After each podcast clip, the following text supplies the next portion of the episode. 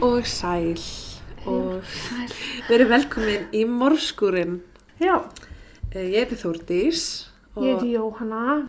en í dag ætlum við enn og aftur að hafa tvískiptan þátt. Ég ætla að byrja að segja ykkur frá morðmáli sem að gerist í Ítalíu.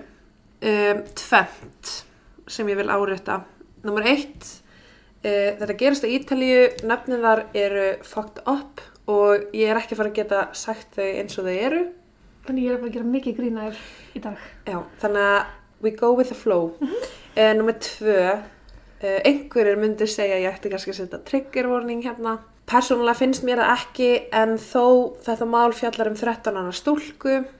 Um, ég fer ekki mikið út í dánarórsöku eða krupningaskíslu þó eitthvað bara til aðeins að koma málun í gang en Þú vilt bara hafa vaðið fyrir neðan þig. Já. þannig að þið viti bara af því. Þetta er 13 ára stúlka. Ég var að eitthvað við. Ekki, ekki skjóta mig í baki eftir þáttinn. Og legó. Og legó. Brembate de Sopra er lítill bær í um 7 km fjarlægð frá Bergamo í norður Ítalíu og um klukkutíma aksturs fjarlægð frá Milán. Með um 8000 íbúum er Brembate de Sopra rólegu bær og örugustæður fyrir fólk að alveg bönnu sín.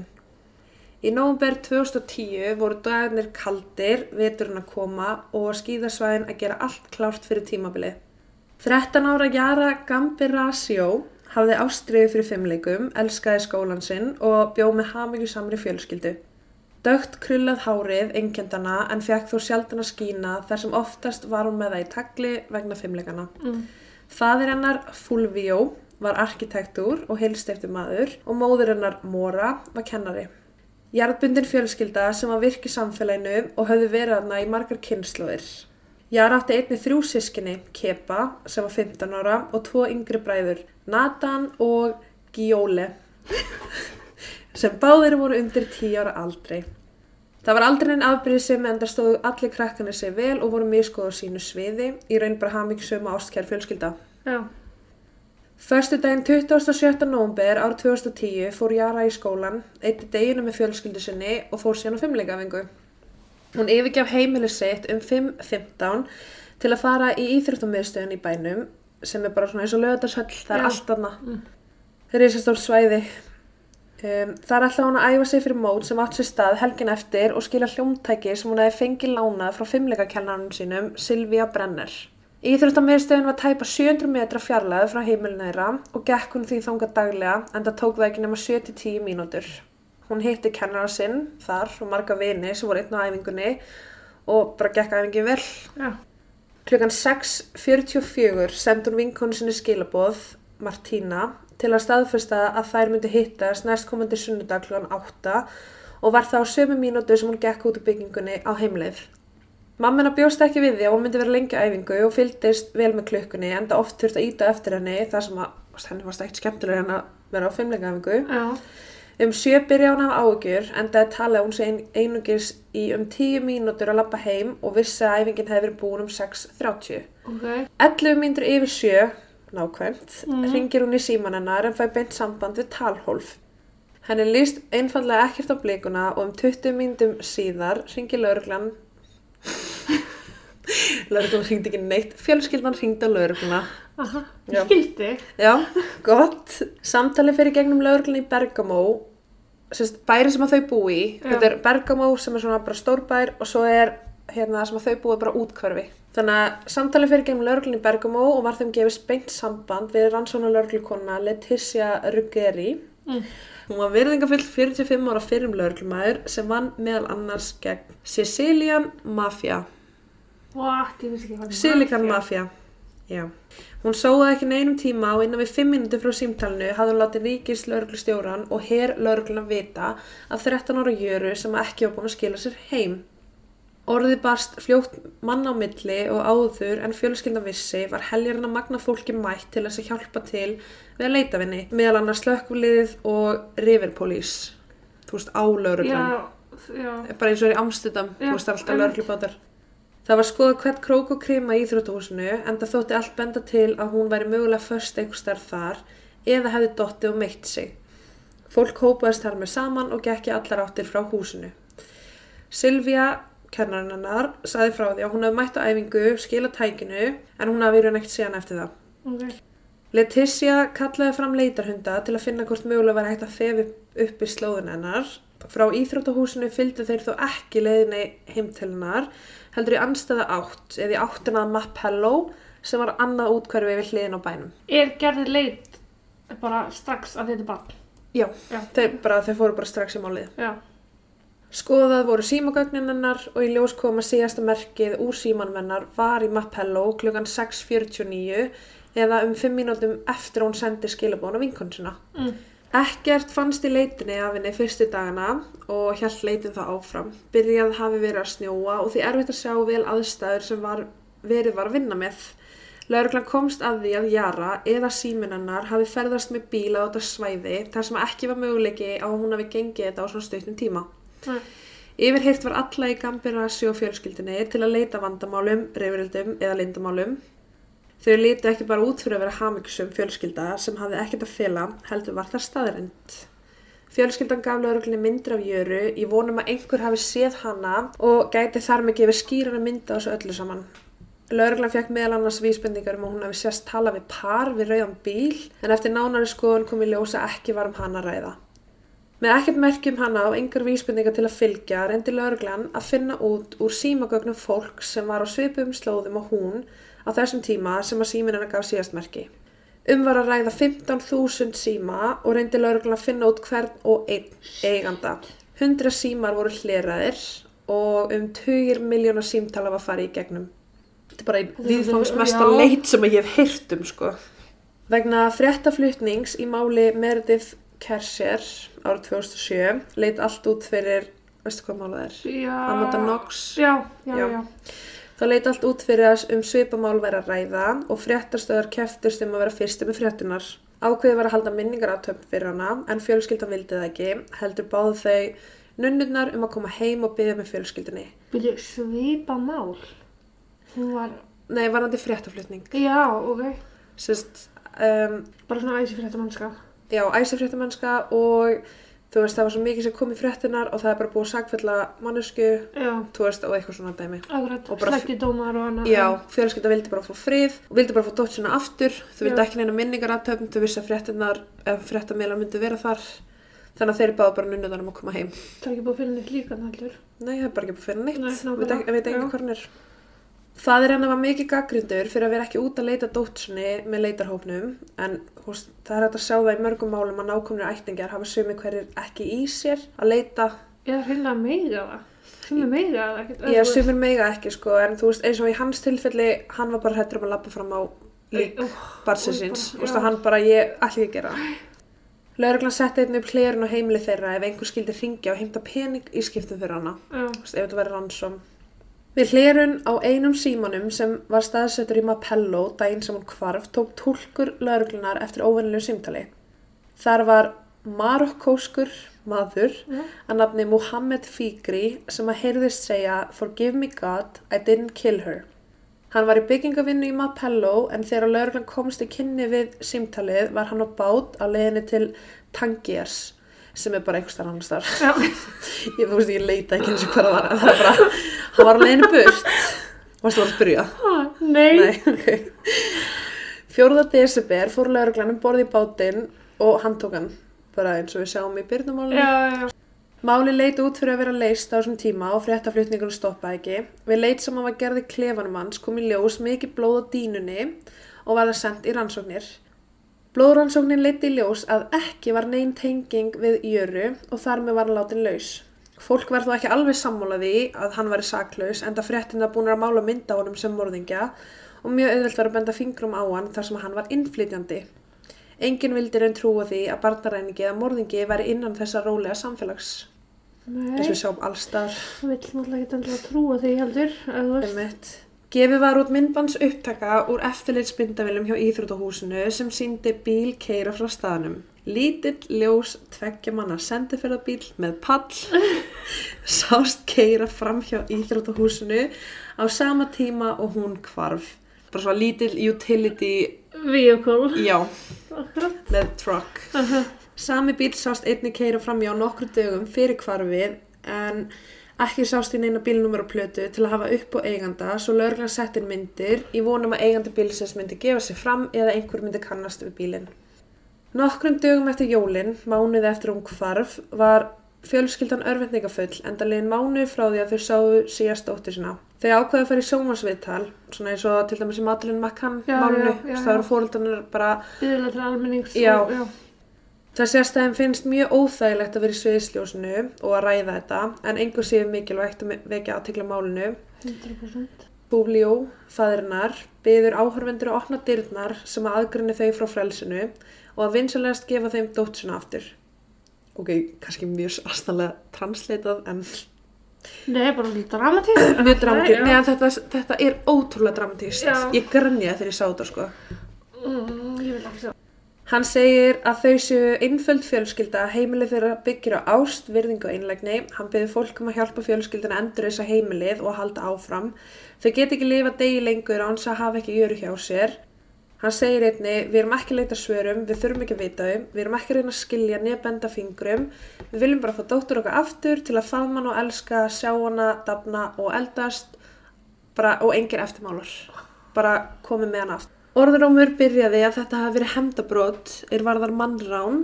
Fréttir voru sagðar að því að fadir hennar hafi vitna gegn meðlumum í Naples mafíunni en ekki leiðu lengu þar til að það var dreigð tilbaka og sagt vera bara false news. Já. 25. februar 2011, tæpum þremi mánuðum eftir hún hvarf, var miðaldra maður að nafni Lario Scotti nýbúin að kaupa sér dróna. Hann fann opisvæði í litlum bæ Tignolo di Sola til að prófa leiktæki sitt. Ó, Já, ég, ég veit ekki okkur ég skrifa þetta Bærin er 10 km suðvestur af Brembate di Sobra og er umkringdur yðnaðarsvæðum, lóðum og kjörrum. Þegar hann flög drónunum tók hann eftir því að eitthvað var ekki að virka eins og ætti að gera svo hann ákvaða lendunum. Þegar hann gekk í áttina að drónunum kom hann auga á rusl og tuskur sem er svo sem ekkert óvinnulegt fyrir hann að hann sá skópar. Hann ringdi laurugluna og staðfyrst var strax að þetta veri líkið af jöru. Líkið var frosið en síndi þó merkjum niðurbrott eða bara decomposition. Hún var enn klætt í sömu föt og þegar hún hvarf, svarta leggings, Hello Kitty ból og svartan bomberjakka. Á þessum nákvæmlega sama stað hafði verið leitað hvert krók og kima, ekki krima, nokkru dögum eftir að Jara hvarf en það fannst ekkert og því til lögreglan líklegt að henni hafi verið komið þannig fyrir eftir að aðilin vissi að búið var að leita á svæðinu. En það er náttúrulega fréttinnar bara búin að segja frá öllu sem var í gangi og það er eitthvað sem að fjölskylda vildi forðast og það er nákvæmlega sama sem þau vildi forðast eins og í mörduð kersir málinu. Já, líka bara í svo mörgum málum sem við höfum verið að fjalla um hvað Mhm. lögreglan er að halda öllum upplýsingum að sér Mhm. akkurat út af svona. Nákvæmlega. Það hafði snjóa mikið, enda kallt og mikið frost uh, sem að í raun varðveitti sönnugögg sem að voru á svæðinu. Meðal annars var jakkin hennar og bara fötin í góðu standi og hægt var að taka DNA síni. Ráðist hafi verið á hana trigger warning, Og já, bara slökkviði eða skipið í tvær svipinn myndur. á þér. Ráðist hafi verið á hana með beittum hlut og voru nokkra skrámur á líkamannum, sumar hverja djúpar eða um sex talsins. Leticia hafði eitt deginu með skíðaferð með dóttur sinni og var á heimleið þegar hún fekk símtali um líkfundin. Hún skuttlaði dóttur sinni heim og brunna á staðinn. Henni var létt að fá lóksvör í málinu og sagði að það er ekkert verða en döði barns nema um sig að ræða kvarf og engin svör. Það Oh. var ógislegt sko. Það voru tekin um 300 síni af fötunum hennar og sendi greiningu. Bara hægt að ímynda sér vinnuna sem er á bakvið það 300 síni sko. Á 13 ára gamla barni. Fljótlega fylltist líkfundarsvæði af lauruglunni, herlauruglu, tæknideild og réttameinafræðingum. Nálægt líkinu fannst iPodin hennar og húsleiklar, símakort og batteri úr LG símanum hennar sem var þó enn týndur. Sönnurgögn fannst á svæðinu enda mikið frost sem að vendaði þau, Mm. bara undir venlega kringstöðum verður löngu ónýtt. Já. DNA fegst úr batteríunu á símanum sem að láð þarna á svæðinu ásamt því að það var á nærfötunum hennar og tveimur fingurum á hönskunum sem hún var með. Tæknindeildin fann einnig trefja á henni sem benti til þess að hafi komið frá eitthvað svona reypi. Það var samt ekki alveg Mm. sagt. Hún hlut höfuð áverka mögulega með steini og nokkur högg á líkamann líka. Hún var einnig stungin nokkur sinnum en hún dó ekki að völdum þess, heldur vegna frossins eftir hún misti meðutund. Hún var úti. Já, Úi. Trefjarnir sem fundust gerðu ráð fyrir því að morðingin væri byggingavinnu. Sko, þá líka setja ég spurningamerki við það að þá búið að leita á þessu svæði Mm. sem að þýðir þá að hún lést ekki daginn sem hún hvarf. Nei, líklegast ekki. Nei, ekki hún varð úti. Hún hefur þó látist hana eftir hann sett hana á þetta svæði. Já. Tveimur mánuðum síðar eða í apríl var sagt frá því að fundist hafi DNA úr karlmanni á nærbuksunum hennar Jöru og sagt frá því að morðingin hefði líklega særst á meðan ránun á henni stóð. En það var talið líklegt að hann hefði ætlað að áruta hann kynfyrirslega en hún hefði gefið gott spark á móti og varið sjálfa sig. Gott. Þannig að engin merki voru um kynfyrirsbrot og líklegt er að hún hefði verið sett hana meðutundalaus og dáðið úr hypothermia. Já. Það var blóðið eitthvað úr honum sem að gera eftir verkum og hún bara Hún bara var með, bara hún, varði stóð, sig. já, hún bara stóð um sjálfum sér 28. mæ þremi mánuðum eftir líkfundin var hún sendt aftur til fjölskyldunum sinnar til að halda jarðaför á heitum morgunni komu þúsundi mann saman hjá íþróttahúsinu þar sem hún hafi verið tekin allir keirðu varlega framhjá komu sér saman á svæðinu og brustu í grát þegar þeir sáu hvítum kistuna stuttur setna byrja hins vegar fagnalæti þar sem allir tóku sér saman og fögnuðu lífin hennar Ó, ég fyrir gæs. Ég grænja. Jarðaförin var haldin í íþróttasalunum, staðunum þar sem henni þótti skemmtilegast að vera og síðasti staðurinn sem hún sást á lífi. Það komist ekki allir fyrir og því var sett skjái fyrir utan, fyrir þá sem að vildi horfa. Eftir jarðaförina var lauruglan með yfirlýsingu þar sem hún sagði frá því að þeir ætli sér að finna mannskuna sem að gera þetta og áverpuði einni morðingjan beint með því að segja frá því að þrátt fyrir vind, rók og snjó þá var fullkomi sína að DNA tekið að svæðinu og þau myndi ekki spara á neinum tíman í kostnaði við að finna aðilan. Aðilanum var gefið nickni með Unknown One. Hefur heyrt um það? Nei. Ok. Leticia kom saman hóp af átta sérfröðu fólki til þess að komast til bóts í málinu. Fréttamiðlar fengur lítið að vita því þau vildi ekki hætta því að missa sönnugögn í málinu eða að gefa eitthvað út sem að morðingin eitt veit. Þau heldu áfram að hleyra síma hjá fólki og báða allum að gefa fram DNA sínu sitt. Skólafélagar, fjölskyldu þeirra, vinir og bæjabúar, búðar, komu allir fram og vildi hjálpa til og gáðu fram DNA-ið sitt án þess að þeir dóms úrskurð. Bara hjálpa, ég. bara sína samstöðu. Ég bara að horfa feithmálið, það var allir bara eitthvað, nei, bandir ekki menn víast allir aðeir. já, þarna bara komu allir bara sjálfviljið fram og bara taktu DNA-ið mitt. Það var í heildina um 22.000 manns sem að gáðu fram DNA-ið sitt. Sumir vildi meina að Leticia væri ekki að komast neitt með þessu og var hann harðlega gaggrínd. Hún var ekki þessi hefbundi rannsónaraðili en hjælt á kúlinu áfram og fullvissaði samfélagið um að hún ætlaði sér að finna morðingin hann í gjöru. Henni fannst, þess, fólk var að gaggrina fyrir það að það tekur, þú veist, um það bil 6 til 24 tíma að greina DNA Já. og Hún Fólk- hafði ekkert alltaf þetta DNA að gera. Nei og fólk hugsaði bara út með 22.000 DNA og ætlar bara eigða restina af lífinu í að leita í gegnum það. Þú veist, það er ekkert annað sem þú ætlar að gera, skilur. Hún er búin með þrjusu lögregluvinnu. Já, líka, hún, hún var líka búin að segja að þau ætla ekki að gefa út hvað þau eru að gera. Nei. Já, hún bara fullvisaði fólk um hún ætlaði sér að finna morðingjan. Hún skipti þessu, niður þessu fólki sem vildi koma fram og gefa DNA í flokka. Fyrst var það fjölskyldin hennar, síðan eigundi þeirra sem áttu síma á sama svæði og símin hennar og svo var það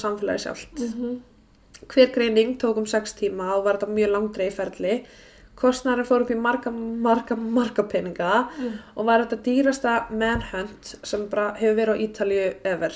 Lörglann setti falda myndavilar á kirkjugarðin, ég vonum að morðingin myndi láta sjá sig þar. Einni á nætuklubin Sabbi Mobili sem var á svæðina sem hún fannst en til allra lukku höfðu eigundur staðarins gert meðlumakort af öllum sem að koma á staðin og halda skrá yfir símanúmerið þeirra. Hún vissi að morðingjar setja líkin oftast á stað sem þeir þekkja vel og þess vegna ákveðu þau að prófa hann skemmstaðin í nágrunni. Já, snuðt. Tekið var DNA sín af öllum sem að koma á klúbbin á föstags og lögutaskvöldum. Bara þau hjekku hana, þau, heng, Heng. fyrir utan, bara staðinn, löguta á föstagskvöld og bara, Ekki ekki DNA. já, bara DNA þér, DNA þér, þau gerðu það í Og alvegni. við það er sem geta. Sabbi Mobili var með sögum ofbeldi staður, þú veist það var bara alltaf einhverju slástana Já. Uh, ungu maður frá Dóminíska liðvildinu var myrtur fyrir utan staðinn þann 16. janúar 2010. sérst bara nokkrum já. mánuðum áður en að þetta er nómber og januar Já. og þar leindi var staðurinn búin að gera þetta meðlum og kort og eitthvað svo leis. Sniðugt samt. Mjög stutt. Rannsakendur fóru í gegnum alla sem að koma klúbbin á sama tíma og hvarfi á henni var, báðum DNA síni og fyrir allri tilviljun fundu þau einn mann sem var náskildur Unknown One. Eigandi þessa sínis var 20 ára gammal maður á nafni Damiano Guerinoni. Hann var fljótlega útilokaður en sem sjálfur gerandinn því að hann var í Suður Ameríku á þeim tíma sem hún hvarf og það var ekki nákvæm samsvörun. Það var spurningu um daga hvernig hann myndi finna aðlan en það komin með krúsel vísbendingu. En það átti þó ekki eftir að vera svo auðvelt eins og fólk hefði haldið. Það tók ekki langan tíma að finna fjölskylduna hans og komst Leticia af því að móður hans, Aurora, hafði unni fyrir fjölskyldu Ja- Jöru í um tíu ár. Sérst, Damiano Já. var með svipadíðina og morðingin.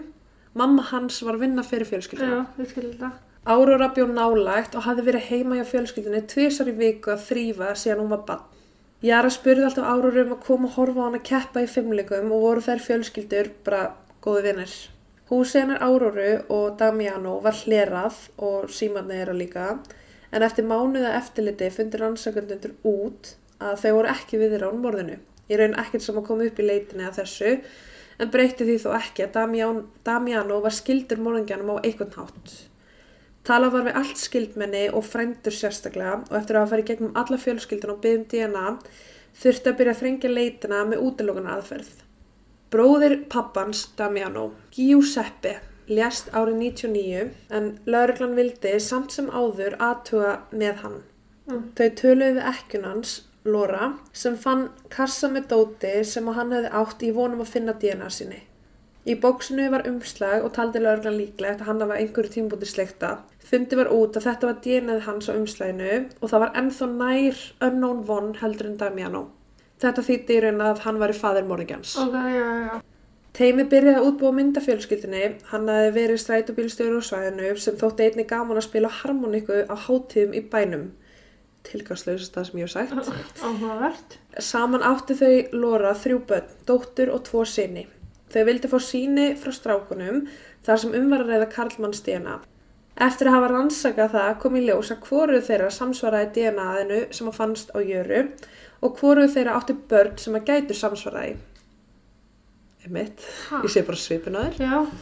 Lögreglan let þetta þó ekki stoppa rannsóknina og horfði á nýjan vinkil í málinu. Sonur Giuseppe er unknown one. Já. Það er hvorugur sonur hann sem hann á með framhjálpsmál. en getur verið að neyja ótilkomi börn eitthvað staðar. Já.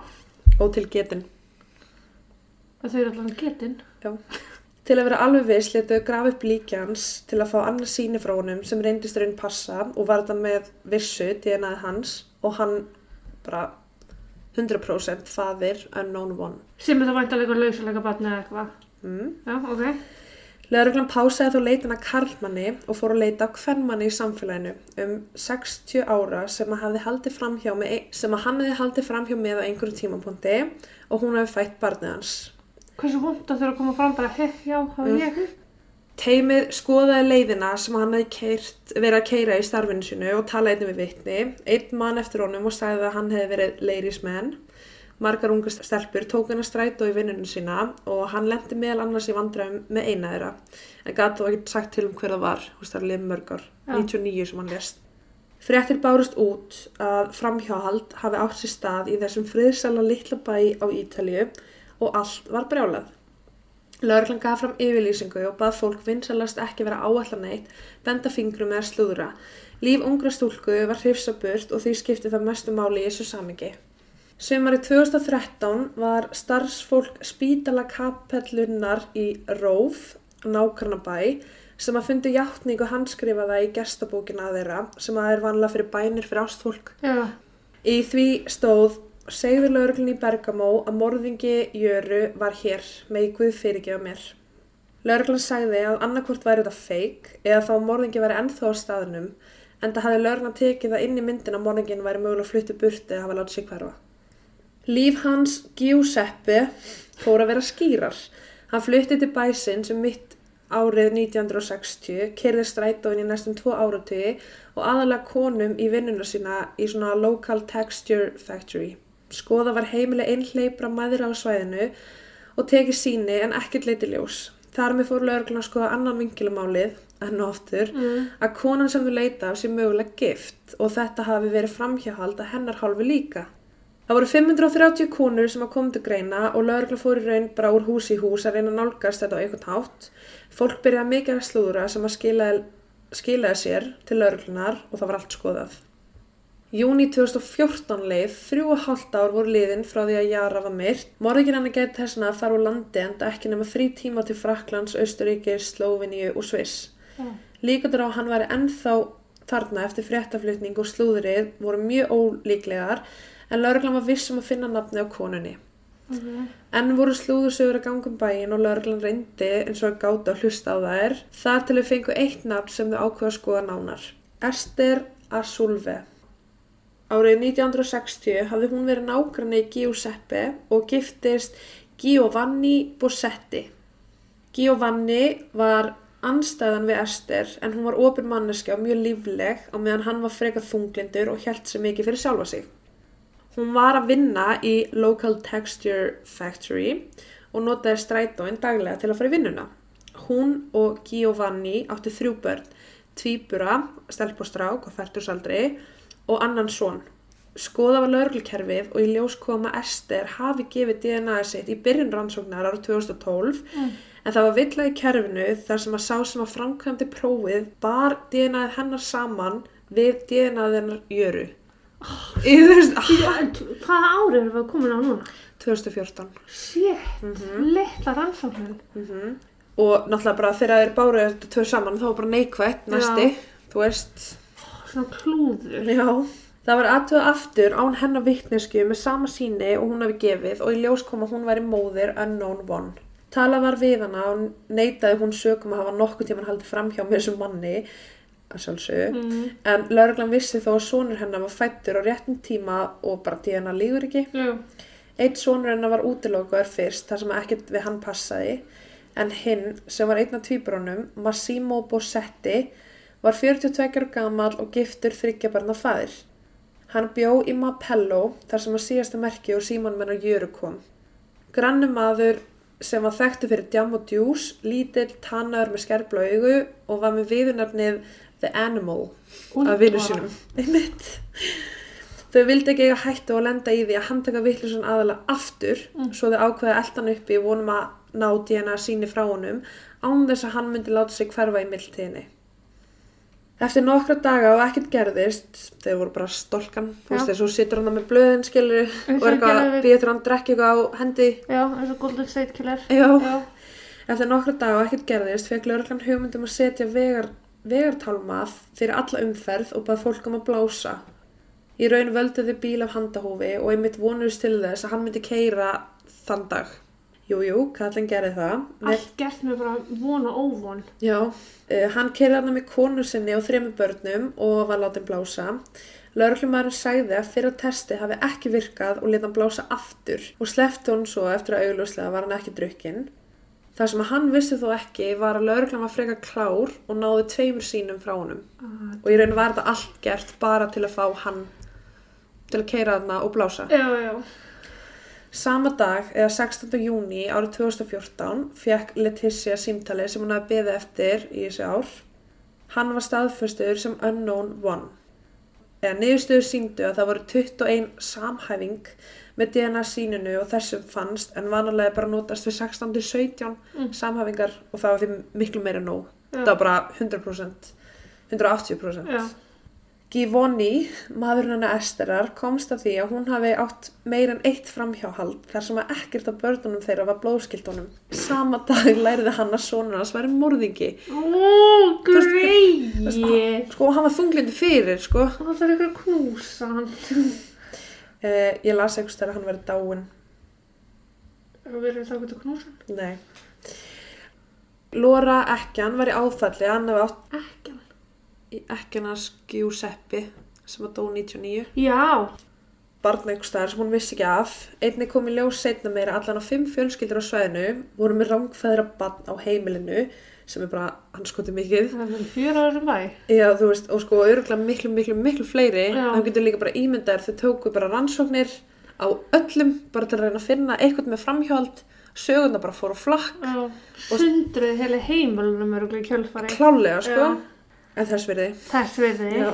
Konan hans Massimo sagði lörglu frá því að hann hafi verið heima að borða kvöldmat með henni og börnunum þeirra kvöldi sem að jara hvarf. Hann sagði að hann hafi einn daginn fengið blóðnæsir og einhver hafi stóli verkfærnum hans en þar var hnífur og klútur sem hann notaði til þess að þurka blóði. Og vegna þess hafi DNAð hans fundist á jöru og hann væri ekki morðinginn. Á nærbuksunum hennar jöru. Mm -hmm. Að því hann fekk blóðuna sér. Mhm. Það er eftir það. Það voru efasendir um DNA sínið þeirra Já. út af málinu hjá Amanda Knox og kærastunum hennar fyrir morði á Meredith Kerser en þessar efarsendir gerða verkum að það voru ekki, þau voru ekki fundið segum morðið. Mm. Sest, Amanda og kærastunum hennar, Já, já, já. Ég þekki það bara af- ekki nógu vel. nei já. það var sest bara út af DNA bara hreinsaði. Já, Gefin var út yfirlýsing frá sömu vísindastofu og gerði sínið sem sagði frá ástæðum þess hvers vegna þetta gæti mögulega ekki verið neitt annar en þessi einn á móti 2 miljón, biljón, skriljón, triljón manns sem er reynd bara ekki fræðilegu möguleiki. Síðasta púslið var þegar teimi fann út að hann átti nákvæmlega eins bíl og var á myndbansaupptökunni. Síðasta skipti sem bílinn sást var nokkru mínútum áður en hún hvarf.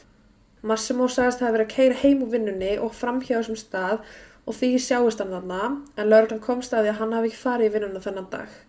Þau notuðu símagögn, myndbansaupptökur og vittnisspurð samstarfsfélaga hans bara til að komast að því. Bílinn hans var tekinni sundur til að leita sönnagögnum um jöru og um að hún hafi verið í bílnum. Þá kom að réttarhöldunum. Konan hans héldi ennfram að hann hafi verið heima að borða með þeim. 120 vittni voru kölluð út og sagði teimið hans Massimo að þau höfðu um 711 vittni í heildina honum í hag en þurfti að lækka þau niður í 160. Annars var réttarhöldin ennþá í dag sko, Já. 2021. já, Það sem þeir notuðu til að lýsa yfir sakleysi Massimo var meðal annars Silvía, fimmleika kennarinn hennar Jöru, en fadir hennar hafi sagt í vitnisbyrði að Silvía hafi grátið allt kvöldið sem að Jara hvarf og gati ekki útskýrt af hverju. Einni sendi hún og bróður hennar á milli sín skilabóða á svipum tíma hún hvarf og þeim var eitt, en í raun einu skilabóðin sem að var eitt og það var ekkert að finna þau aftur.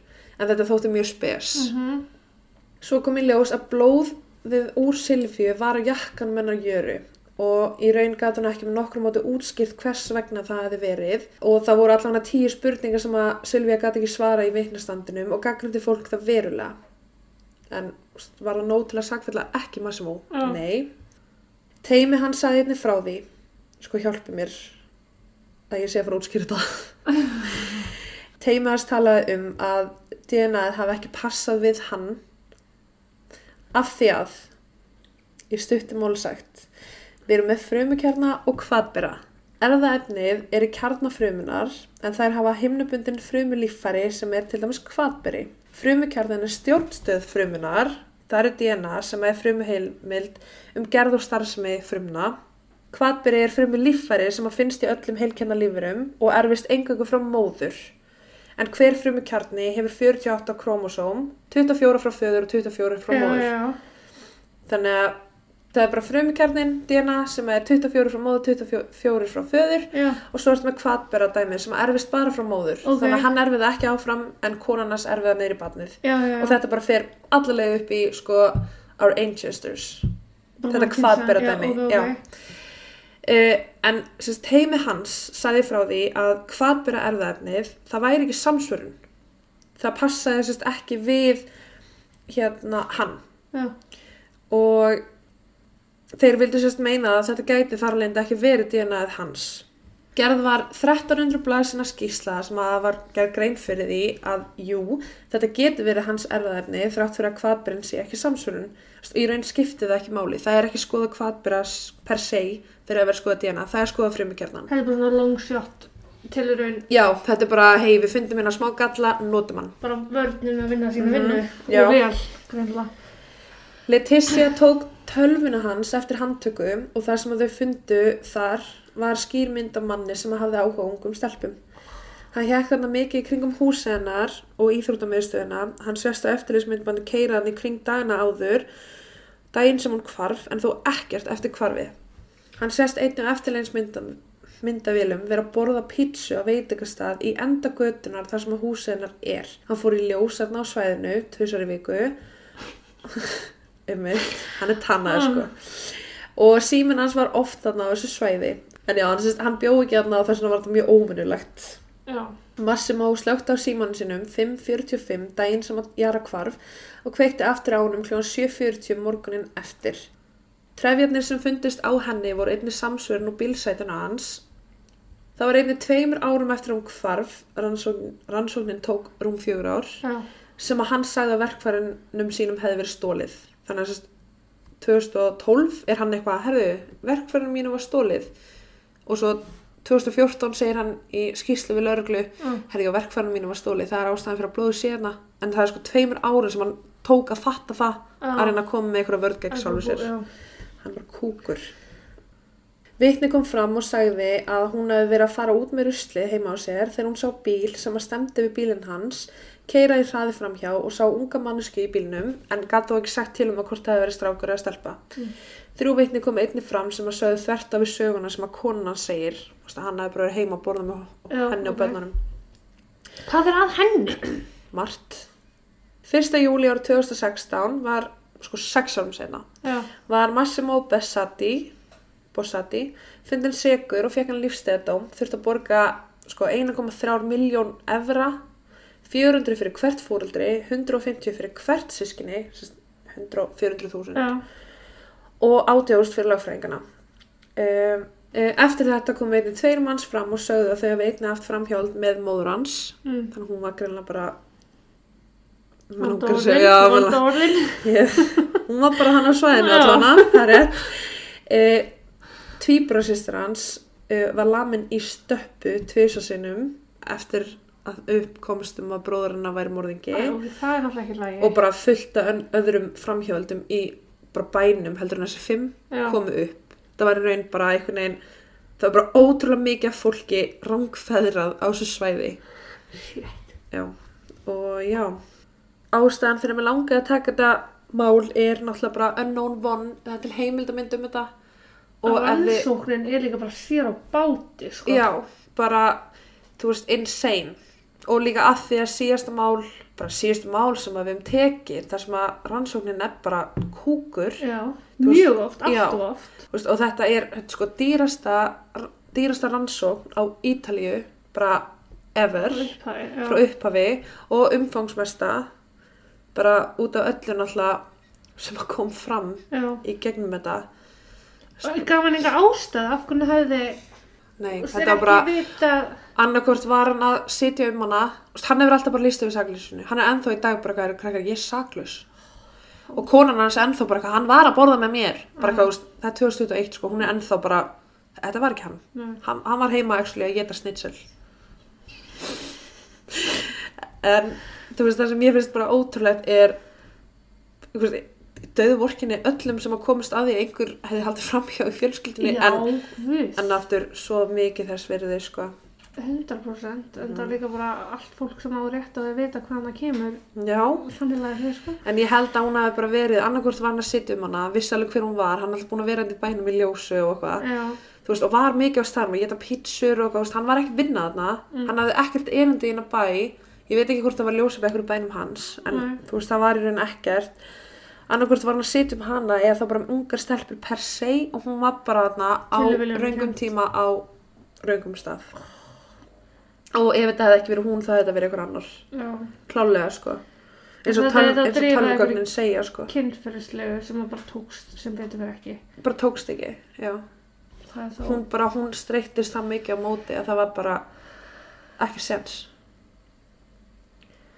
Jesus Mhm. Christ. Ég hef aldrei hýrt um svona rannsókn.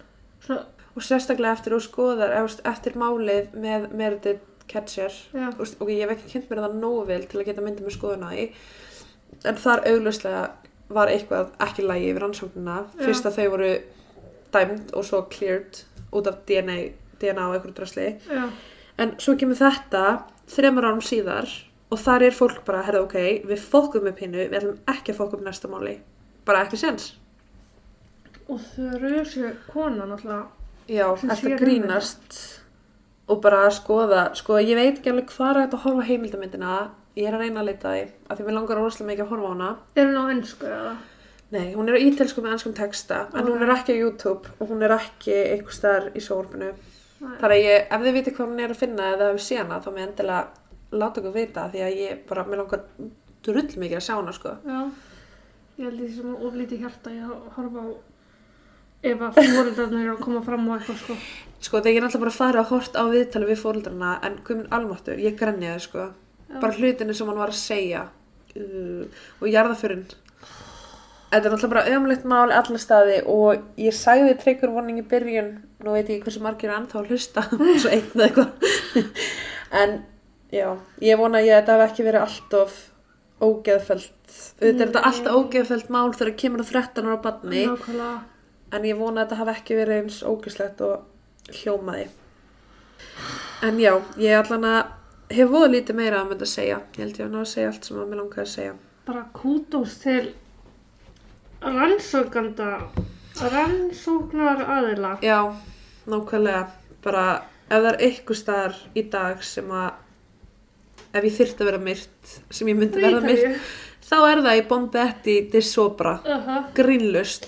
En þetta er líka sko 2010. Já. Þú veist, það er alveg margt búið að gerast tæknilega síðan á 10 árum, 11 árum. Þú veist, Já, þannig að þetta hefur örgulega verið mjög auðvelt nei, mál að vinna. tók líka náttúrulega bara fjögur ár sko.